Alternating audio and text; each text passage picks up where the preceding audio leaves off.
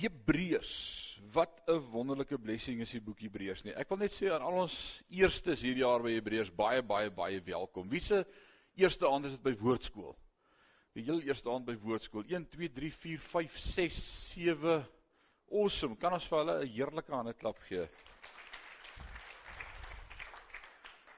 Ag nee, regtig, dis power gewees.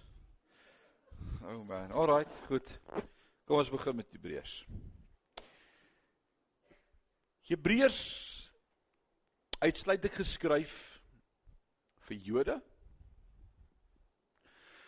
wat teruggegaan het na hulle roots toe. Teruggegaan het na die tradisie toe, teruggegaan het na die eerste gebruike toe. Weer die gesoes van die rokke by die tempel gehoor het in die reuk van die offers en die blaas van die trompette en die rook wat optrek en gedink het, "Sjoe, ons was soveel jare in daai kerk, dalk moet ons net weer teruggaan." Dit is presies vir hulle wat hierdie boek geskryf word.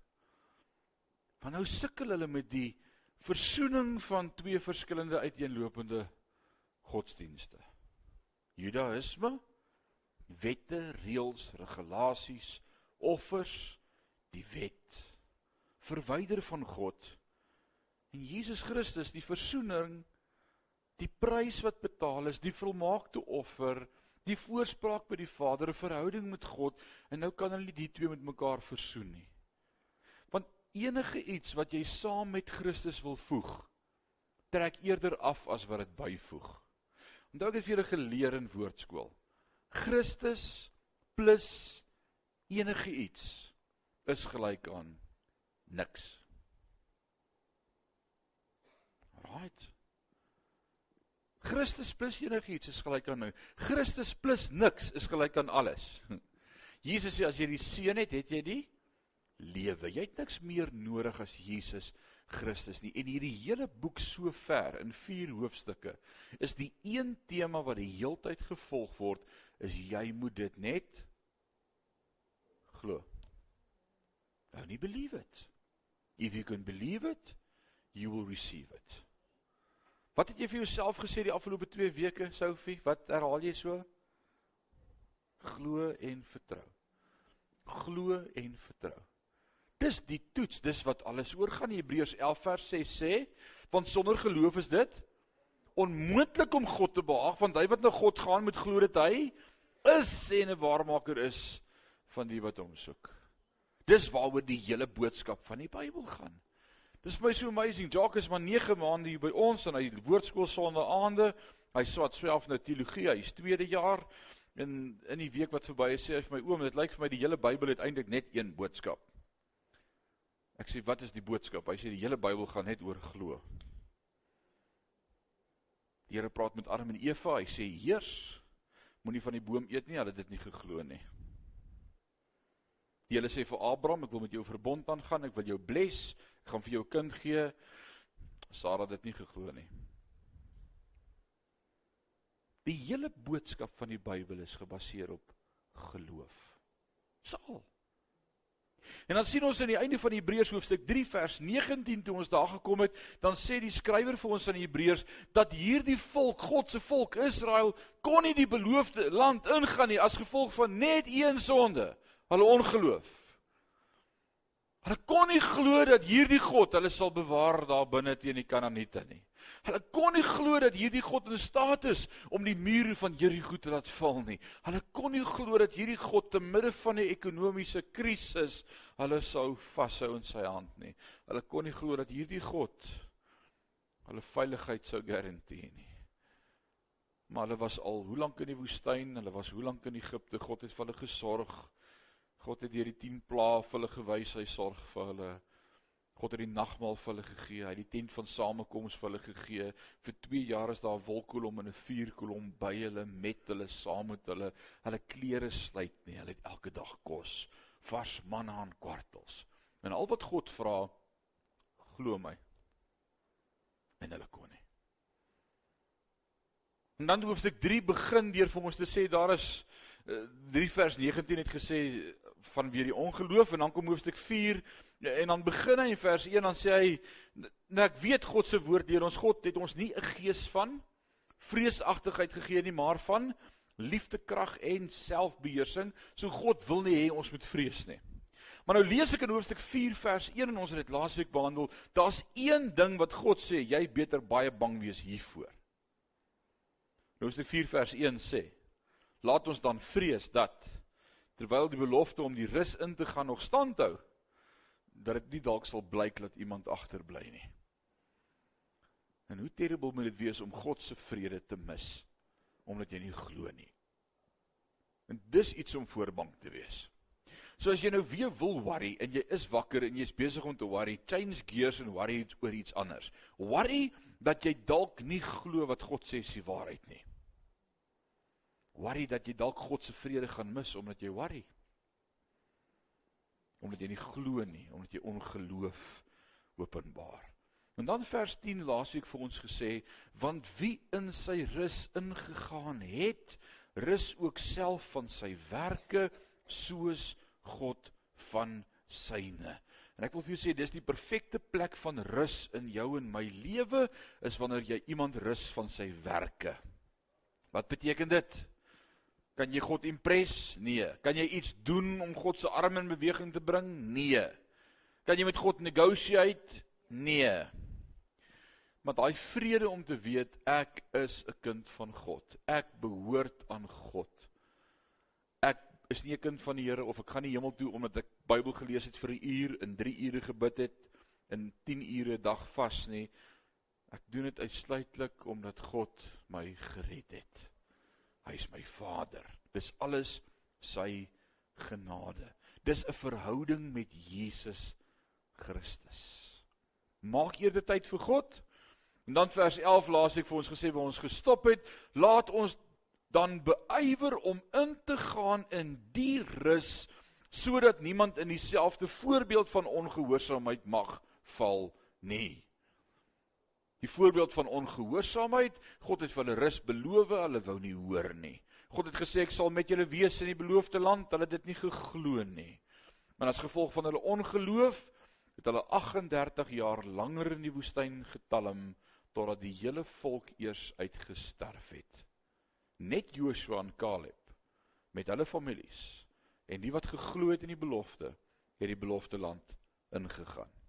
So wat beteken dit om te werk in die rus?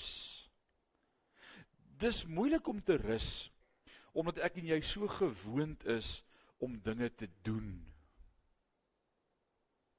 En ons wil so graag met God negotiate en sê Here, ek gaan nou u rus in, maar ek moet seker eers A B C D en E, dan dan.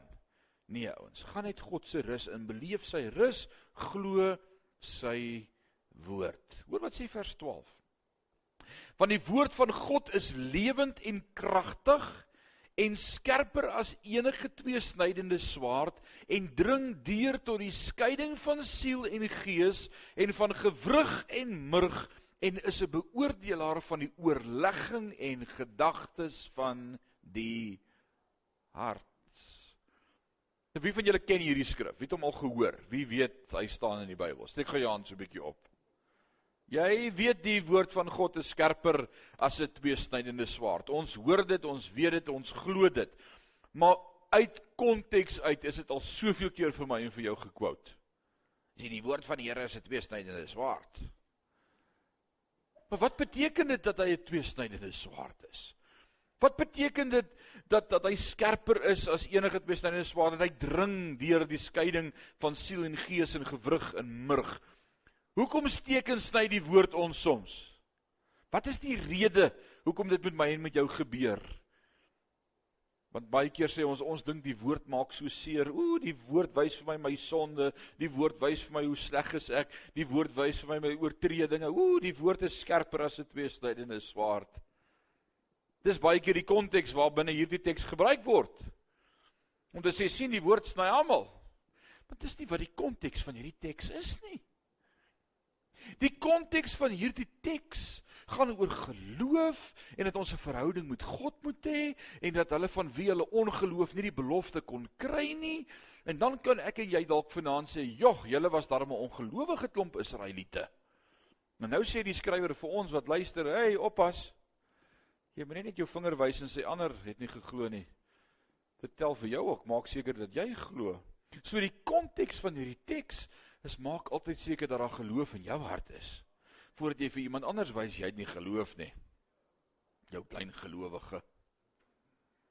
Is maklik om Johannes hoofstuk 14 te lees en te sien waar waar uh Wie was die man met die ongeloof geweest? Thomas. Thomas, waar hy vir Jesus sê, "Wys ons die Vader. Hoe lyk die Vader? Hoe sal ons weet waar's die hemel?" En dan dink jy, "Ag, arme ou Thomas." En toe Jesus daar aan hulle verskyn het in die boefretrek, Die eerste keer was Thomas mos nie daar gewees nie. Hy het 'n ander afspraak gehad die aand. Hy wou nie woordskool toe gaan nie. En toe mis hy die bus. En die tweede aand toe hy daar kom, toe sê hy ek sal nie glo behalwe as ek sien en my vinger in sy hande druk nie. Ongelowige Thomas. En toe Jesus aan hom verskyn en sê kom, ek het hoor jy wil iets doen, toe sê hy nou hy's ek glo. Ek glo. Thomas. En dan is dit vir ons maklik om te sê, "Jog, ou Thomas was daar 'n ongelowige ouetjie gewees, maar ek en jy staan agter die deur en ons het ook ongeloof in ons hart. En ons het bekommernisse oor die dag van môre en ons wonder of die Here vir ons gaan deurkom en ons wonder of hy gaan onthou en ons wonder of hy betyds gaan antwoord en ek weet darm nie, "Jog, hierdie is 'n groot krisis in my lewe." Dit sal awesome wees as die Here wil help, maar ek weet darm nie of die Here my gaan help nie. Ek moet dalk my eie planne maak. En hoeveel keer maak ons ons eie planne? Kom aan, hoeveel keer maak ons ons eie planne? So as hierdie teks vanaand sê die woord van God is lewend en kragtig, dan beteken dit dis nie net vir hulle nie, dis ook vir my. Sny nie daai kant toe nie, sny ook die kant toe. Omdat ek nie sis of so is nie, nee, nee, nee. Dis omdat ek ook soms met ongeloof in my hart sit. Die skrywer sê leer om te rus gee jou eie idees en stelsels oor aan God en leer om te rus. Was laasweek nie 'n belewenis gewees nie? Oh man, laasweek was so awesome. Laasweek was hier net 'n presence van die Here gewees. As jy dit gemis het, gaan kyk YouTube of gaan luister SoundCloud. Dit was regtig net dit was so wow. En weet jy die week God se rus beleef? Steek 'n bietjie jou hand op as jy hierdie week tyd gemaak het om God se rus te beleef. Dit dis so amazing om bewus te wees van God se rus. Ek wil vir julle sê ek het 'n verskriklike program gehad die week. Man, dit was net die hele tyd, dis net jy klim in jou kar en jaag jy na die volgende event toe. Dis net so, maar tussenin as ek in die kar klim en sê ek Here, dankie vir u rus en vir u vrede en vir u kalmte en vir u rustigheid. Dis amazing. Leer net om te sê amen. Kom ons sê dit gou almal saam. Amen. Dalk moet jy dit weet. Kom ons sê dit. Amen. Wat beteken die woord amen? So be what? So be it according to God's plan for my life. So be it according to God's will for my life. So be it according to what God has planned for my life because he has plans for me of prosperity to prosper and not to harm me. O oh man, ek en jy vergeet dit. Ek en jy vergeet dit. Ek en jy moet leer om die gesindheid te hê elke dag in ons lewe om te sê, Here, op U plan vir my lewe. Amen. 2 Korintiërs 1 sê in hom is alles ja en amen. Mag dit so wees. En nadat hy praat van die krag van die woord en, en en die wat nie wou glo nie, hoor wat sê vers 13 nou, en daar is geen skepsel onsigbaar voor hom nie. Maar alles is oop en bloot voor die oë van hom met wie ons te doen het. Ons is oop en bloot voor hom. Ek lees die woord. Ek sien stories van mense wat nie die woord wou glo nie. En dan dink ek by myself, Hoe dom kon julle wees? Ek lees die storie van Samson en ek dink hoe Samson ongehoorsaam was. Hy wou nie God glo toe God sê ek het 'n plan vir jou nie. Hy het gedink ek gaan my eie plan maak. Ek kies my eie vrou. Hy het 'n gemors aangevang daarvan. Op die einde van sy lewe verloor hy sy hare, sy krag, sy oë word uitgesteek en hy pleeg selfmoord tussen twee pilare. Dan dink ek Samson. O oh man, as ek Samson was, het ek nie dieselfde foute gemaak nie. Rarig. Rarig. Ek dink my lewe sou nog korter gewees het as Samson se.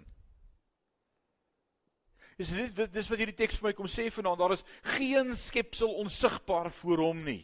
Maar raai wat? Alles is oop en bloot voor hom. Hy sien my. Hy ken my ongeloof. Hy ken jou ongeloof. Hy weet van jou issues. Hy weet van jou trust issues.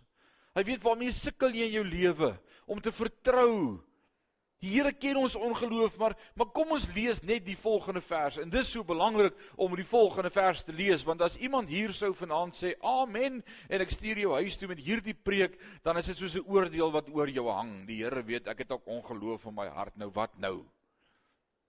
Maar dit is 'n ongelooflike stuk teks vanaand. Lees saam met my vers 14. Terwyl ons dan groot hoëpriester het wat deur die hemele deur gegaan het, naamlik Jesus die seun van God. Laat ons die belydenis vashou. Sê saam met my vashou. Wat moet ons vashou? Watter belydenis? Van ons geloof in hom. Want ons het nie 'n hoëpriester wat nie met ons swakhede medelee het nie maar een wat in alle opsigte versoek is net soos ons maar sonder sonde laat ons dan met vrymoedigheid na die troon van die genade gaan sodat ons barmhartigheid kan verkry en genade vind om op die regte tyd gehelp te word. Oh man, it's amazing. Hy sê die Here weet van jou ongeloof. Hy weet jy battle om te glo. Dis openbloot voor die Here. Ja, dit sny nie net aan die kant toe van die Israeliete en hulle ongeloof nie. Dit sny ook na my kant toe met my ongeloof en dis nie lekker as ek besef ek lyk eintlik dieselfde as die volk Israel nie. Ek sukkel ook met geloof. Ek lê ook in die aande wakker met worries. Ek wonder ook soms waar gaan die voorsiening van die Here vandaan kom? Ek wonder ook soms gaan hy my gesond maak? Regtig wanneer? Here het gesê hy gaan voorsien. Wanneer? Ek raak ouer, my tyd raak minder. Hy het gesê my oë sal dit sien, maar ek sien dit nog nie. Ek wonder of dit so is. Ek wonder of dit so gaan wees. En die Here sê gelukkig het jy 'n hoëpriester wat met jou medelee het. Hy verstaan jou swakheid. Hy verstaan jy sukkel met geloof, maar hy oordeel ons nie. Dan sê vers 16: Laat ons dan met vrymoedigheid na die troon van die genade gaan sodat ons barmhartigheid kan verkry en genade kan vind op die regte tyd gehelp te word. Ek sê ou oh man, hy het met ons medelee. Wat beteken medelee?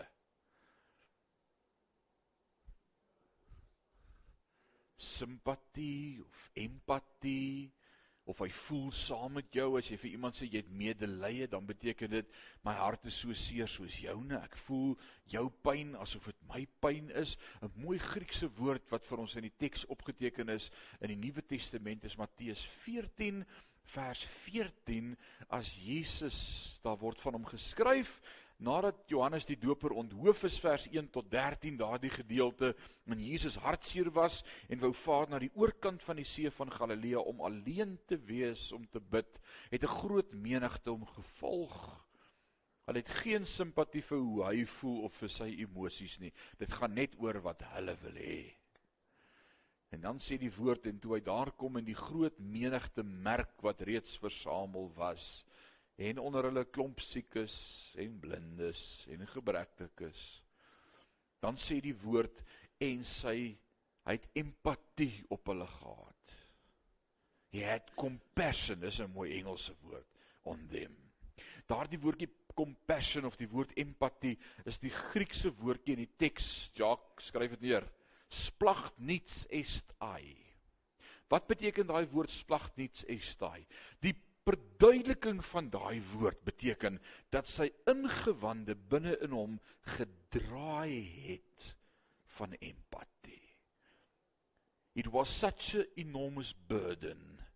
His intestine within him turned around. Het jy al so empatie gehad met iemand dat jou binneste pyn saam met hom Jesus het? Hy sê hy is 'n hoëpriester wat met ons empatie het, simpatie, medelee. Jy dink jy's alleen. Hy saam met jou. En nou sê die woord hy's in alle opsigte net soos ons versoek. Beteken dit dat die duiwel met hom na dieselfde goed na hom toe gekom het as na my toe? O, oh, yes. Hy verstaan versoeking. Hy verstaan versoeking. Smaanie vanaand hier onder die bank uit sy AK47 sou ruk. Hy het nie een nie hoor. En hier sou lostrek op Sion gemeente. En 52 sal sneuwel in die ander 95 sal noodlottig gewond wees. En hy word gearresteer en in die selle gegooi. Dan gaan ek nie na die tyd na hom toe en sê ou man nie. Ek voel saam met jou broer. Ek weet hoe voel dit. Nee. Nee, ek het nie idee hoe dit voel nie. Maar as maar nie vanaand daar onder sy bank 'n 2 liter Napoleana roomys sou trek.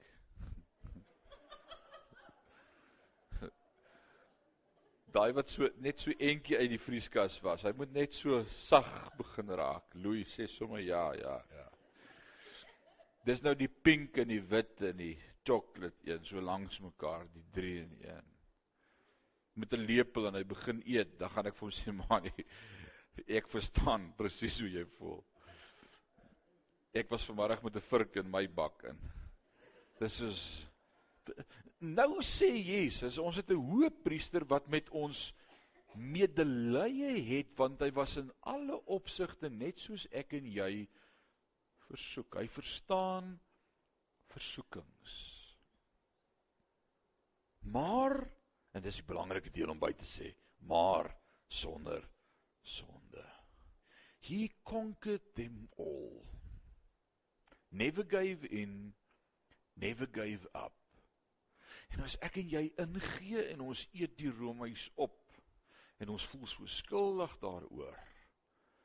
Of ek het iemand op sy plek gesit met my mond want hy het lank genoeg gevra daarvoor en iemand moet hom op sy plek sit. Kom en dis mos hoe jy jouself regverdig oor jy iemand sleg gesê het. Iemand moes hom op sy plek sit. Kom aan, wie het al in hulle lewe gesê iemand moes hom op sy plek sit? Nee, dis nou nie die ideale plek om te sê amen nie, maar dis dalk sorry Here.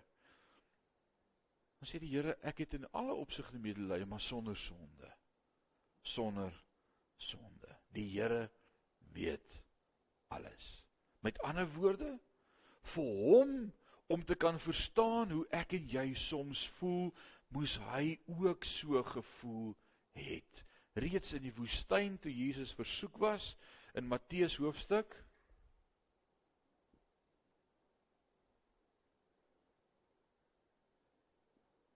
3 liewe broers en susters 3 OK. Reeds in die woestyn toe Jesus versoek was deur die duiwel hoeveel maal is hy versoek deur die duiwel? 3 keer. Alraight jy het te bang om te antwoord? 3 keer. En elke keer as die duiwel na hom toe gekom het dan sê hy daar staan geskrywe. Ah, is dit Matteus hoofstuk 4? Matteus 3 was die doop van die Here Jesus. Matteus 4 was sy versoeking. Matteus 5 begin hy met die bergpredikasie. Is Matteus hoofstuk 4. Alraight. So. En nou kom die Bybel vanaand en hy sê vir ons so, ek is bewus daarvan dat alles vir hom oop en bloot is en hy verstaan alles en al sny die woord my en ek lees van ander se ongeloof en ook my eie ongeloof Dankie tog, ek het 'n hoë priester en hy het met my medelee. Hy sê nie vir my jou swakkeling, hoe kon jy alweer die Romeise eet, nê? Kan nie glo jy dit gedoen nie. Jy stel my teleur nie. O oh, nou, hy het met my medelee. Wat maak hierdie waarheid met my vers 16? Laat ons dan met sê saam met my vrymoedigheid na die troon van genade gaan sodat ons barmhartigheid kan verkry en genade vind om op die regte tyd gehelp te word. Sê barmhartigheid kan verkry. Beteken dit daar's dalk vir jou barmhartigheid beskikbaar? Of is dit soos wanneer ek vir my ma vra, mamma, mag ek maar in jou ma sê vir jou jy kan? Dit beteken nie dalk of miskien of ons sal sien nie. My ma het ja gesê. Ons kan. Ons kan. Nou wat gee God vir ons? Barmhartigheid en genade. Barmhartigheid en genade. Barmhartigheid is om nie te kry wat ek verdien nie. Dis barmhartigheid. My kind jaag aan. Hy kort 'n pak sla, hy sit in die kerk op sy fone speel. Eintlik moet ek hom 'n pak sla by die huis gee.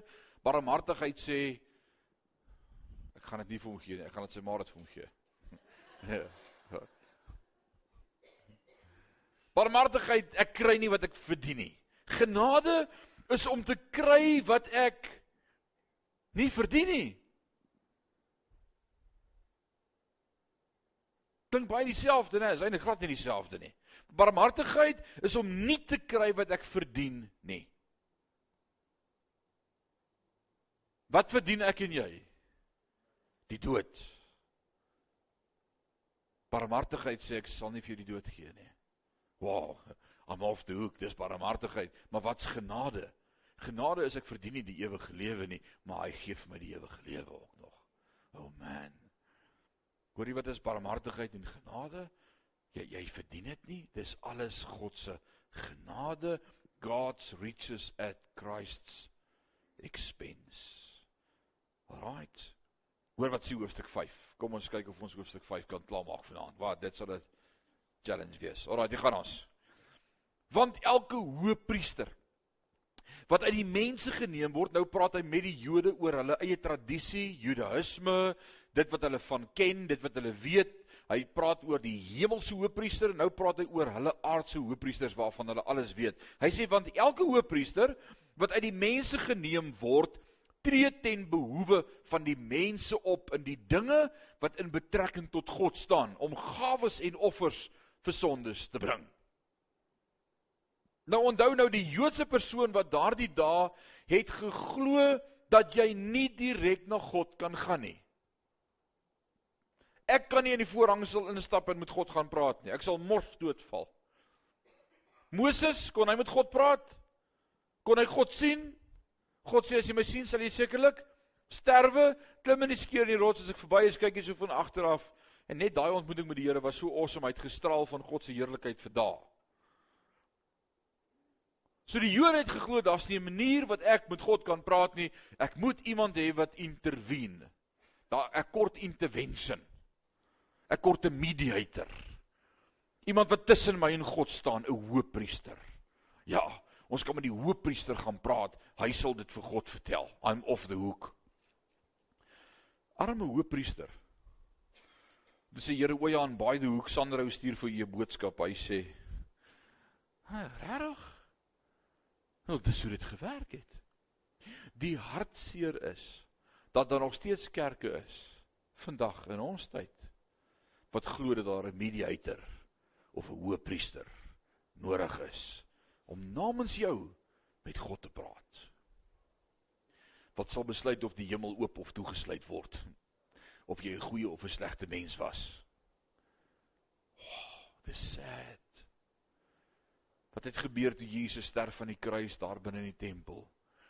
Die gordyn, die voorhangsel skeur van bo na onder sodat niemand geen mens kon dit doen nie. Dis onmoontlik. Dis 'n 6 duim gewefte gordyn skeur van bo na onder. Dit was nie 'n werk van 'n mens nie, dit was die werk van God. Wat begeer God? Ek wil nou self met jou praat. Ek is klaar met hoëpriesters. Ek soek hulle nie weer voor my nie. Hier's een hoëpriester wat vir julle eenmal ingegaan het. Sy naam is Jesus, my seun. Hy was ook die volmaakte offer. Hy doen vir julle voorspraak by my. Ek wil self met jou praat, Ronnie. Ek wil hê jy moet self met my praat. Praat met my. En dan hardloop ons nog steeds dag vir dag na die pastoor toe en sê: "Hoe bid net asseblief saam met my." Ag, liewe Jesus. Jy kan sommer net self met hom praat. Hy hoor jou. Hy ken jou. Hy verstaan jou. Jy het nie iemand nodig om namens jou te bid nie. Dit is soms awesome as ons mekaar se laste dra. En die woord sê dra mekaar se laste. En soms het ek net daardie gebed nodig wat sê ek is net so swak, ek gaan dit nie kan maak nie. Het jy al deur 'n krisis gegaan wat jy nie eers geweet het wat om te bid nie? Het jy geweet Jesus bid vir jou? En ek is seker hy kan mooier bid as ek. Hy weet presies wat om te bid. Vanmôre voordat jy jou voete van die bed af op die grond gesit het, tannie, het hy klaar vir jou gebid. Weet jy wat se vrede is dit om in die oggend wakker te word en te weet, daar's al vir my gebid vanmôre. Jesus het vir my gebid. Eh, Johannes amazing. Jesus het vir my gebid.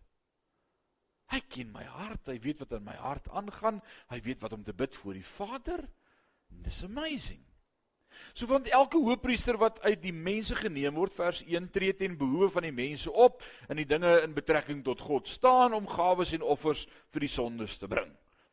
As een wat kan saamvoel met die onwetendes en dwalendes omdat hy self ook met swakheid bevange is.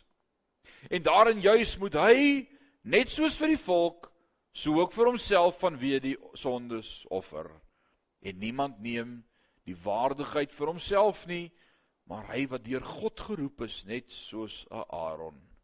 Met ander woorde die hoëpriester kon saam voel met die mense omdat hy self ook sy eie tekortkominge geken het. Hy was bewus van sy eie gebreke. En dan wil ek sê aan elkeen hier vanaand, aan elkeen van ons, aan my en jou en elkeen van ons wat deur pyn gegaan het in sy lewe, wat deur verwerping gegaan het, wat deur seer gegaan het, wat deur bitter emosies moet werk, wat te nagekom is oor wie daar geskinder is. Wat mense jou leed aangedoen het. Elke mens kan nou sy hand opsteek en sê ja. Dit is ook ek. Ek wil vir jou vanaand die awesome ding sê uit hierdie vier verse. As jy gaan toelaat dat God jou gesond maak, gaan die Here daardie stuk seer wat jy vanaand as 'n stuk seer in jou lewe het, gebruik as voordeel om medelee te hê met ander mense wat deur dieselfde krisis moet werk. Daar was dinge in my lewe wat gebeur het wat bitter seer was. En toe ek vir die Here vra, "Hoekom?" toe sê die Here sodat jy eendag sal verstaan as ander daardeur gaan, sodat jy medelee met hulle kan hê. O. Oh, dan het ek gesê, "Bring dit aan, Here." En een van daai gebede wat gesê het, "Bring dit aan," het vir my in 'n siekbed neergewerp van maande in die bed met depressie en toe donker gordyne En as daar konflik is, wil ek huil. 9 jaar terug was ek by so 'n kruispunt in my lewe en toe ek vir die Here daarna vra hoekom, toe sê die Here, jy het mos gesê bring dit aan sodat jy medelee kan hê, jy nou weer vergeet. Want voor dit het ek gespog met my beradingssertifikaat teen my muur wat sê honeers diploma in berading. En as ek voor mense sit en hulle sukkel met depressie, dan sê ek, "Man, kry jou kop net reg, bou 'n brug en kom daaroor." maar ek het nie 'n klou gehad nie. Vandag kan ek saam met jou huil. Kan ek saam met jou vas? Kan ek saam met jou die pad stap van 'n deurbraak want God gee deurbrake. Ek verstaan dit beter want ek was daar. Jy kan nie met iemand medelee hê wat 'n eggenoot aan die dood afstaan totdat jy nie self daardeur gaan. Dis maklik om te sê ek voel saam met jou, jy het nie 'n klou nie. Sê eerder net ek verstaan nie, maar ek bid vir jou, maar moenie lieg nie. Maar jy kan net voel as jy dit kan voel. En dis wat hierdie gedeelte sê, ons het 'n hoëpriester. Hy sê hierdie aardse hoëpriester kon net saam met jou voel van die dinge wat hy geken het, maar ons het 'n hemelse hoëpriester en hy weet alles en hy voel alles. In ons diensbaarheid aan God. Dis vir my belangrik om dit te sê vanaand. In ons diensbaarheid aan God, elkeen van ons se diensbaarheid om in die koninkryk iets te doen en vir God iets te wees. Is ons self in die hospitaal. En hierdie hospitaal se naam is ongelukkig die kerk. Vra vir die Here waar pas kerk en alles in die Here sê die kerk is die hospitaal. En ek sê wel awesome, dan is hier 'n klomp siek mense hier. En die Here sê ja, jy's een van hulle. Ek sê ja Here, ek weet. Weet jy wat is die probleem? Dat mense soms na my kyk en dink ek is die dokter.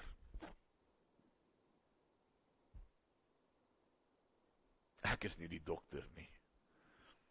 Ek is net so lank al siek in die hospitaal dat ek weet hoe werk alles hier. Ek kan jou wys waar is die badkamer en die linnekas en ek weet wat ek globes word waar gebeure. Ek is net so lank al hier dat ek bekend is met die stelsel. Ons is almal siek mense. Ek steek langer as jy hier. En ek kan jou vat na die geneesheer toe. Want hy werk met my ook. En dis die gevaar in baie kerke. Ek kyk na wat gebeur in die media en veral in Pretoria en Hulle kyk na daardie leiers asof hulle die Here is. O oh man, hy is nie. Hy is nie.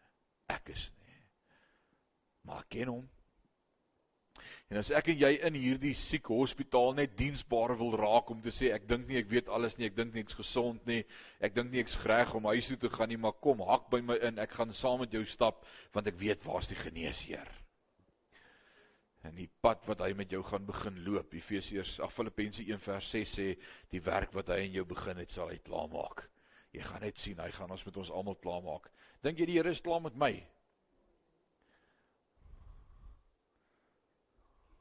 Oh no. Eileen kan sê loof die Here. Hy is nie klaar met my nie. Ek's besig om te verander stukkie vir stukkie. Maar hy die werk begin en hy sal dit klaarmaak. Hy's besig met jou. En as jy hier kom sit met die attitude van jy's klaar en jy's gesond, dan het jy nie die kerk nodig nie. Iemand sê nou reg vir my die rede hoekom ek nie aansluit by jou kerk nie, is julle is almal 'n klomp skyn heilige mense. En voor ek my kan kry, toe sê ek vir hom you'll fit right in. Ons is almal 'n klomp skyn heilige mense. Ons is almal gebroken, ons het almal seer. En ons is almal besig om te journey, maar God se genade oor ons almal is vir ons genoeg elke dag. Is vir ons genoeg. Alraight. God is die dokter. God is on, ons loop almal rond met van daai wit rokkies wat agter vasmaak. ja. Maar God is die geneesheer. Alraight. Hy is die dokter. Vers 2 het gesê eh, as een wat kan saamvoel met die onwetendes en dwalendes omdat hy self ook met swakheid bevange is. En ek dink dis waar die bediening val. Dis waar die bediening op aarde val van die Here Jesus Christus wanneer mense die of of 'n organisasie bedienaars verhoog, die clergy verhoog, 'n sekere uh, identiteit aan hulle gee of 'n waarde aan hulle gee of of 'n sekere rokke aan hulle gee en en sê hierdie ouens is daarom oef, Jy moet voor hulle buig en hulle hand soen as hulle verbykom. My liewe genade. Jesus sê as seun van God, ek is die grootste diensknegt van almal van julle. Ek het gekom om te dien. Ek glo dis hoe 'n pastoor moet lyk. Alraight. Die hoëpriester. Die hoëpriester. Jesus Christus is die hoëpriester. En ons kan nie onsself verhoog bo mense nie. Hy staan. Hy staan die hoogste, God. Vers 5 sê so het Christus ook homself nie verheerlik as hoëpriester om hoëpriester te word nie, maar hy het hom verheerlik wat vir hom gesê het: U is my seun, vandag het ek u gegenereer. So wie het Jesus geroep as hoëpriester? God het hom geroep, gesê kom, jy's hoëpriester. Now you fit for the job. Vers 6 soos hy ook op 'n ander plek sê, hy is priester vir ewig volgens die orde van Melchisedek. Wat weet julle van die orde van Melchisedek? Na die vakansie, ek gaan julle baie vertel. Alraai. Hy wat in die dae van sy vlees gebede en smeking met sterk geroep en trane aan hom geoffer het wat hom uit die dood kon red en ook verhoor is uit die angs. Hy al was hy die seun het gehoorsaamheid geleer uit wat hy gelei het. En nadat hy volmaak is, het hy vir almal wat hom aangehoor is, wat wat gehoorsaam is, 'n bewerker van ewige saligheid geword. Wat beteken nadat hy volmaak is? Vers 9. Beteken dit hy was nie van die begin af volmaak nie? Hy was mens, maar hy was sonder sonde, so was hy volmaak. Maar die proses waardeur hy gegaan het om met ons medelee te hê, maak hom nou meer as volmaak. Nou is hy eers bekwam. Hy was God, maar nou is hy eers bekwam. Nou is hy eers volmaak om met ons medelee te hê. Alraai, nou het ons 'n volmaakte hoëpriester. Let gou op op vers 7 praat van Jesus die hoëpriester want hy in die dae van sy vleesgebede en smeking met sterk geroep en trane aan hom geoffer het wat hom uit die dood kon red en ook verhoor is uit die angs. Kan jy onthou Jesus die aand in die tuin van Getsemane? Hy bid. Hy bid, hy huil. Hy smeek God, laat hierdie beker by my verbygaan. Wie van julle het dit al gebid in julle lewe? Steek op jou hand. Right. Awesome. Het God die beker by Jesus laat verbygaan? Hm. Die aand in die tuin bid Jesus sweet druppels bloed slaan op sy voorkop uit onderweg na Pontius Pilatus en dan na Golgotha en hy bid en hy huil en hy wou nie sterf nie. Vader as u enige ander weg het asseblief maar nie my wil nie maar u wil. Twee belangrike punte. Die eerste een. Gebed is nie om my wil te kry nie maar om God se wil met my te kry moet ek dit weer sê. Gebed is nie om my wil te kry nie. En baie keer dink ek en jy as ons bid, gaan God sê, "Oké, okay, goed, kom ek gee dit vir jou so." As dit so was, sou God Jesus se lot verander het. Hy het nie. Maar wat gebeur wanneer ek en jy bid? Dis nie om dis nie vir my om God te sê wat moet vandag moet gebeur nie, maar dis vir my om met God te praat oor wat aangaan in my lewe sodat God my kan verander na hoe hy wil hê ek en jy moet lyk sodat hy deur ons kan werk soos hy wil. So as ek bid, dan sê ek Here, hierdie ding waardeur ek gaan is nie lekker nie. Dit krap aan my. Dit maak my upset. Ek voel my spring gaan uitdak. Ek gaan vir die broer iets sê wat ek nie moes nie. Ek vra nie Here vat hom weg nie. Dit sal onskriftuurlik wees. Maar ek sê Here, as U my iets wil leer of my hart wil verander, asseblief help my. Maak sukkel. En nou sê die Here, nou is ons op die regte pad. Ek wil iets vir jou leer. Ek wil jou hart verander. Ek wil jou hart van klip uithaal en vir jou hart van vlees gee dat jy sal lief word vir jou broer. En môre is dieselfde broer met dieselfde issue met dieselfde gesindheid. Maar ek voel anders. Het die Here hom weggevat? Hmm. Maar het my hart verander. En ek dink dis die probleem. Ons wil baie vir die Here sê, "Ooh, Here, werk met my man, Here. Ooh, my man het U so nodig, Here." Ek weet, vrou, ek weet. Jou man het die Here nodig. Maar dalk wil die Here jou iets leer. Dalk wil die Here jou hart verander. Dalk wil die Here vir jou net weer deernis gee. En dalk wil die Here met jou werk. En weet jy wat's die amazingste? En as ek berading doen en ek werk met paartjies, dan sê ek jy kan nie jou spanmaat verander nie, maar jy kan verander. En wanneer jy verander, is hy ook geneig om te verander. Want skielik pla die goed wat hy altyd gedoen het jou nie meer nie. Hoekom het hy verander? Uh, uh, jy het verander. Maar hy's so bang dat jy nie meer met hom raas oor alles wat hy verkeerd doen nie. Hy tel nou sy handdoek op agter hom en hang hom op. want hy dink hier's groot foute in die huis. Sy raas nie meer met my nie. Dit is amazing, dis hoe dit werk in die huwelik. Dis hoe dit werk in 'n verhoudings. Sien jy, jy kan hier iets groots fout. Maar God verander mense se harte. As ek in harmonie kom met wat God se wil vir my is, en as ek terugkyk, sal ek altyd bly wees dat sy wil met my geskied het. Wie weet dis die waarheid? Ek het nog nooit teruggekyk na die tyd en deurgegaan en gesê nee Here, ek sou dit nie so gedoen het nie. Ek sê altyd, "Ag, oh, dit was vir my, dit was worth it all. Dit was die moeite werd. Here, dankie. Ek ek sê net vir u awesome." Tweedens, ek en jy het soms die prentjie van God wat kwaad is vir sonde. En God die Vader sê iemand moet die prys betaal vir hierdie sonde van die aarde. En Jesus sê ek sal gaan, ek sal gaan. En dan sê jy beter gaan en gaan betaal vir maak hulle dood. Ons kry die prentjie van 'n kwaai God die Vader is. En Jesus, o, hy versoen vir ons. En Jesus kon nie vinnig genoeg aan die kruis kom om te sterf nie, om te sê hier is die bloed, hier is die bloed asseblief, moet net nie u wreek op hulle nie. Nee, Here sê, nee, okay, nee, goed, nou nou is reg. Dis baie keer die prentjie wat ek en jy het as ons dink oor God die Vader. Maar ek wil vanaand 'n ander wonderlike ding met jou deel. Want so lief het God die wêreld gehad. Die seun wou nie sterf nie. Hy bid die aand in die tuin en hy sê asseblief laat hierdie beker by my verbygaan.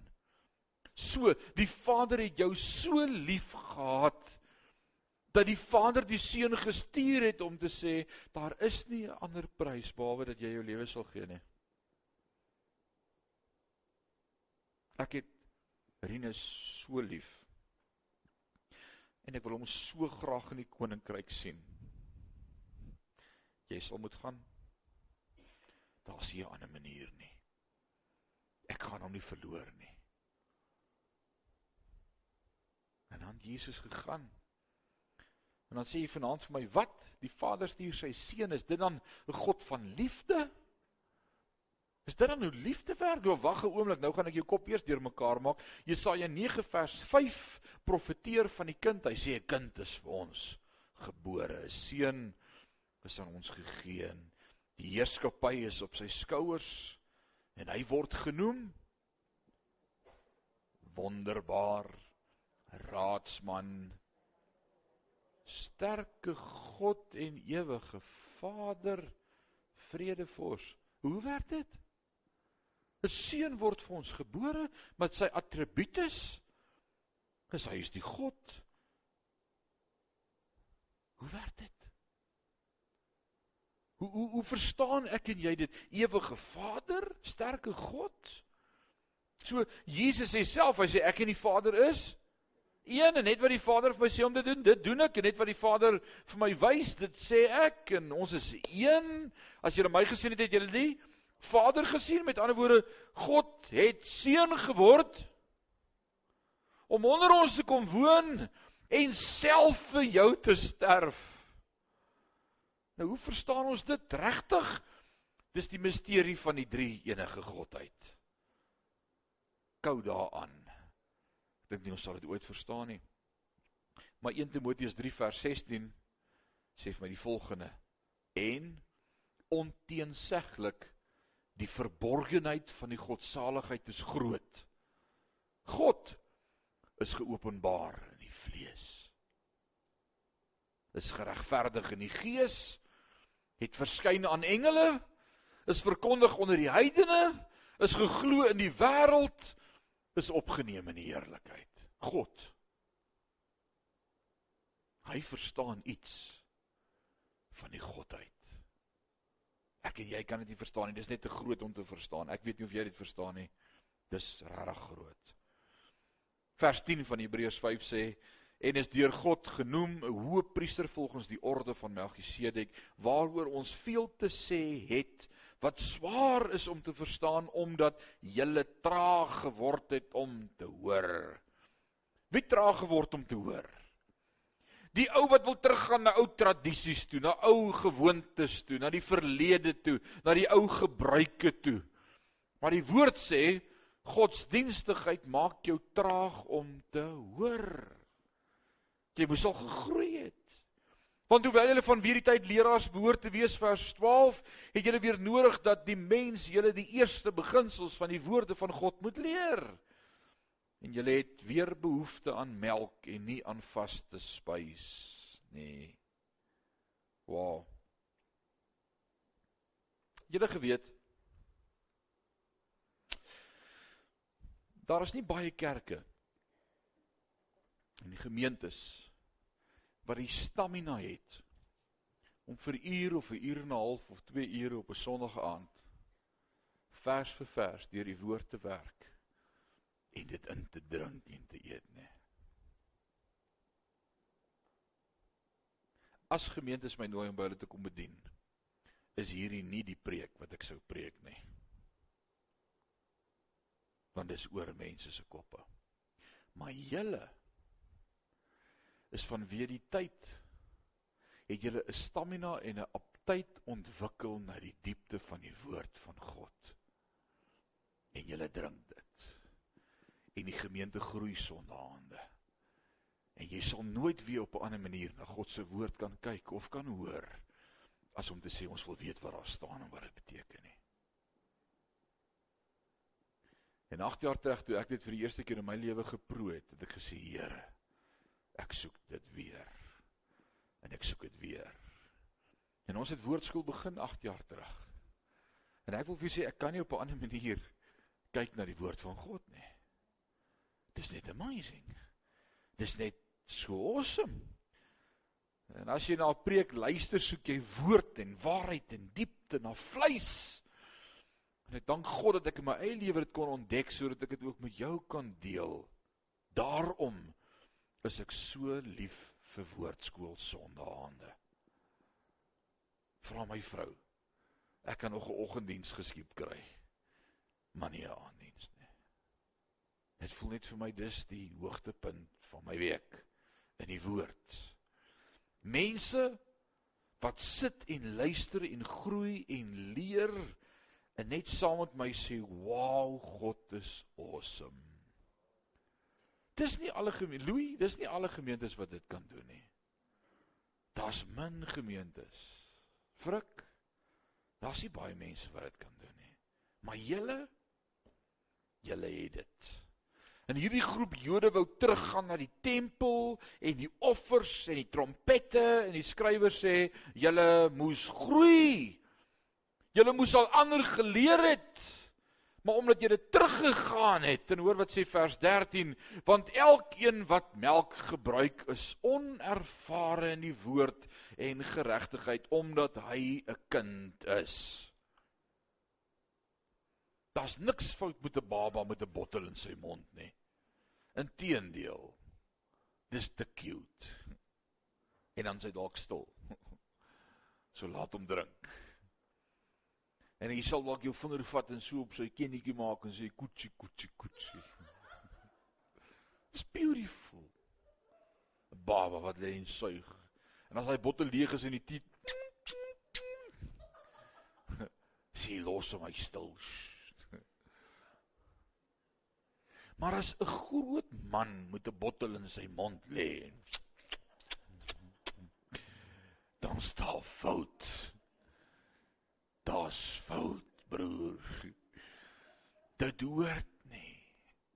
En dis die prentjie wat hierdie skrywer kies om te gebruik. Hy sê dis fyn as 'n kind melk gebruik want hy's onervare omdat hy kind is, maar vaste spyse is vir volwassenes. Dit kan nie meer as 'n volwasse mens vol melk drink nie vir die wat geestesvermoë besit deur die woord geoefen, deur die gewoonte geoefen om goed van kwaad te onderskei. Wow.